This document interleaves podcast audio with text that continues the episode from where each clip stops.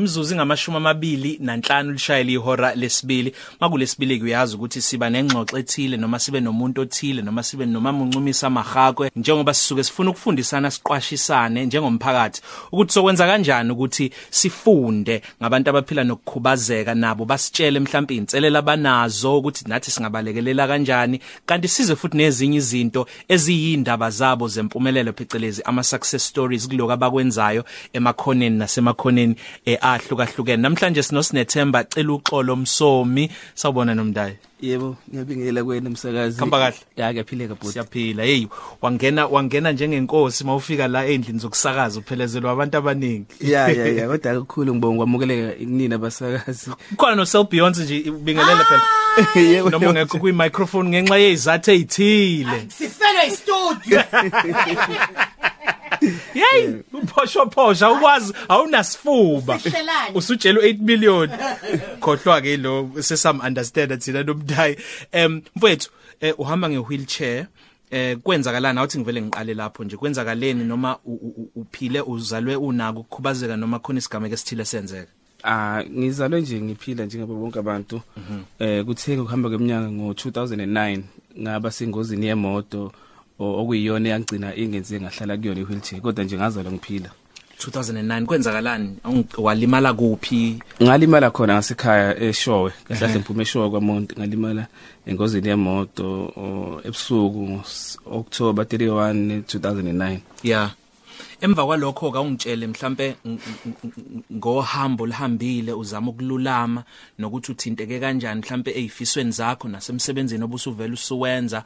Wavuka kanjani iself esteem yakho ukuthi uqhubeke ukukhuthazeke yize noma usubhekene nenselelo enzima ngako Eh njenga wonke umuntu osuke ezelwe wonke umuntu uba nephupho lokuthi empilweni ngifisa ukuba yini. So ukulimaza kwangikhubaza kakhulu ngoba kushintsha isimo kade uzalwe uyisona. So akekho umuntu osuke azi ukuthi ikusasa limphathileni kodwa ke ifiso zethu uma sikhinyabezwa into esuke kwehlele ngaleso sikhathi empilweni kuyakuphazamisa kakhulu lokho. So kodwa ke nje into esengayidlulisa eh ngiluleme nje ubungibona nje nawe. Ngiyakubona. yebo yebo Ehhe. yebo. Ukulimala ke kwadala ukuthi em uthikaziseke ngisho nasekubhaleni awusitshele ngalokho mhlawumbe ukuthi kona ke kube namuphi komunye umthelela phela. Ey yabo sengibona kokuningi mina. Wena uyakwazi uphila nakho usuku nosuku mhlawumbe kulutho mina ngibona kuyinselele enkulu kakhulu. Kuyitselela enkulu eh bhuti wami. Kodwa ke ngoba ngisho ukuthi ukwamukela izandla zami zayisebenza nje njenga wonke umuntu ngibhala. Eh kodwa ke manje sengirelaya kakhulu ku typing nge laptop noma ngefoni ukubha ukudlulisa leyo mlayizo lowo. Eh ebangeni lokufunda ngagcina kwa matric ngalimala kahle kahle ngiso hlelweni lokubuya euniversity. So ingozi yangivimbela lokho ngabe ngisakwazi. Nga apply ke sengino disability but ngagcina kuyinto ezakamuva ngoba ngangisadila kakhulu nesimo sami sokulimala kusamele ngibule khona. Ngabona ukuthi ukuhamba ngeuniversity kungaka kwedlulisi kahle enhlizweni still kuyangiphazamisa emqondweni.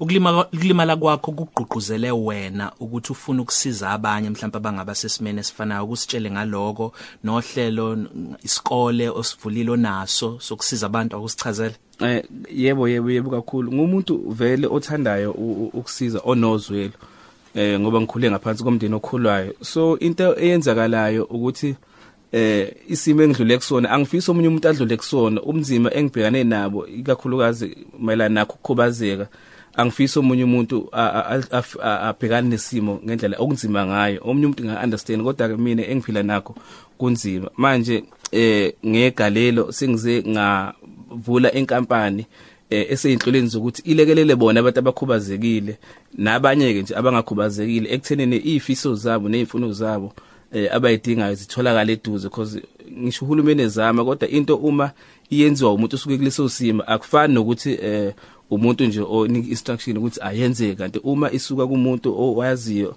eh ayifani. Ngifuna ukwazi ukuthi isikole sakho usunako konke okudingayo maqondana noxhaso noma usavulelekile mhlawumbe kwabakulalele nanjengamanje ukuthi bakusize ngoba kusizakala wena kuphela nabaningi abazofunda kulesikole yebo ka- kahle kahle akiso ukuthi inkampani eh yebo yebo engifisako ngenkampani ukuthi eh ngidayise ama wheelchair Oh. Yebo yebo okukhulu kakhulu ukuthi ngiwakhande kulabo sebenawo cause into eyenzakalayo nosomabhizinisi nawo uhulumeni uyabanika abantu ama wheelchair noma abanye beyithengele bona kodwa into eyenzakalayo ngenxa yokuthi ulwazi lokwasebenzisa lisuke bengenawo uthothi siyanqamuka i-wheelchair yomuntu iyintsha. So uma ukwazi ukuthi unohlelo lokwakhanda ke laba banawo ke impilo yabantu izoba lula kakhulu lapho ngoba asikho isidingo sokuthi uzuthenga enye wheelchair umuntu uma naye akhandweni awuyikhulumeleke bakulalele labo ongafisa bakuxhase ukuthi ufuna uxhaso olunjani futhi utholakala kanjani ukuze bakusize. Eh eh ngoba ngeke ngachaza ukuthi ngusinethemba Msomi oneminyaka ewu31 ophuma eshowe kwaMondi ngikhubazekile ngalimala engozini yemoto. Eh ngosizo ke luka Road Accident Fund. Eh impilo ayifani. Angifuni uqamba manga khona usizo especially lokhu sincephezele engakuthola. Kodwa ke ngoba sengivula inkampani ingoba ngiyabona ukuthi akwanele uhulumeni akwenzayo.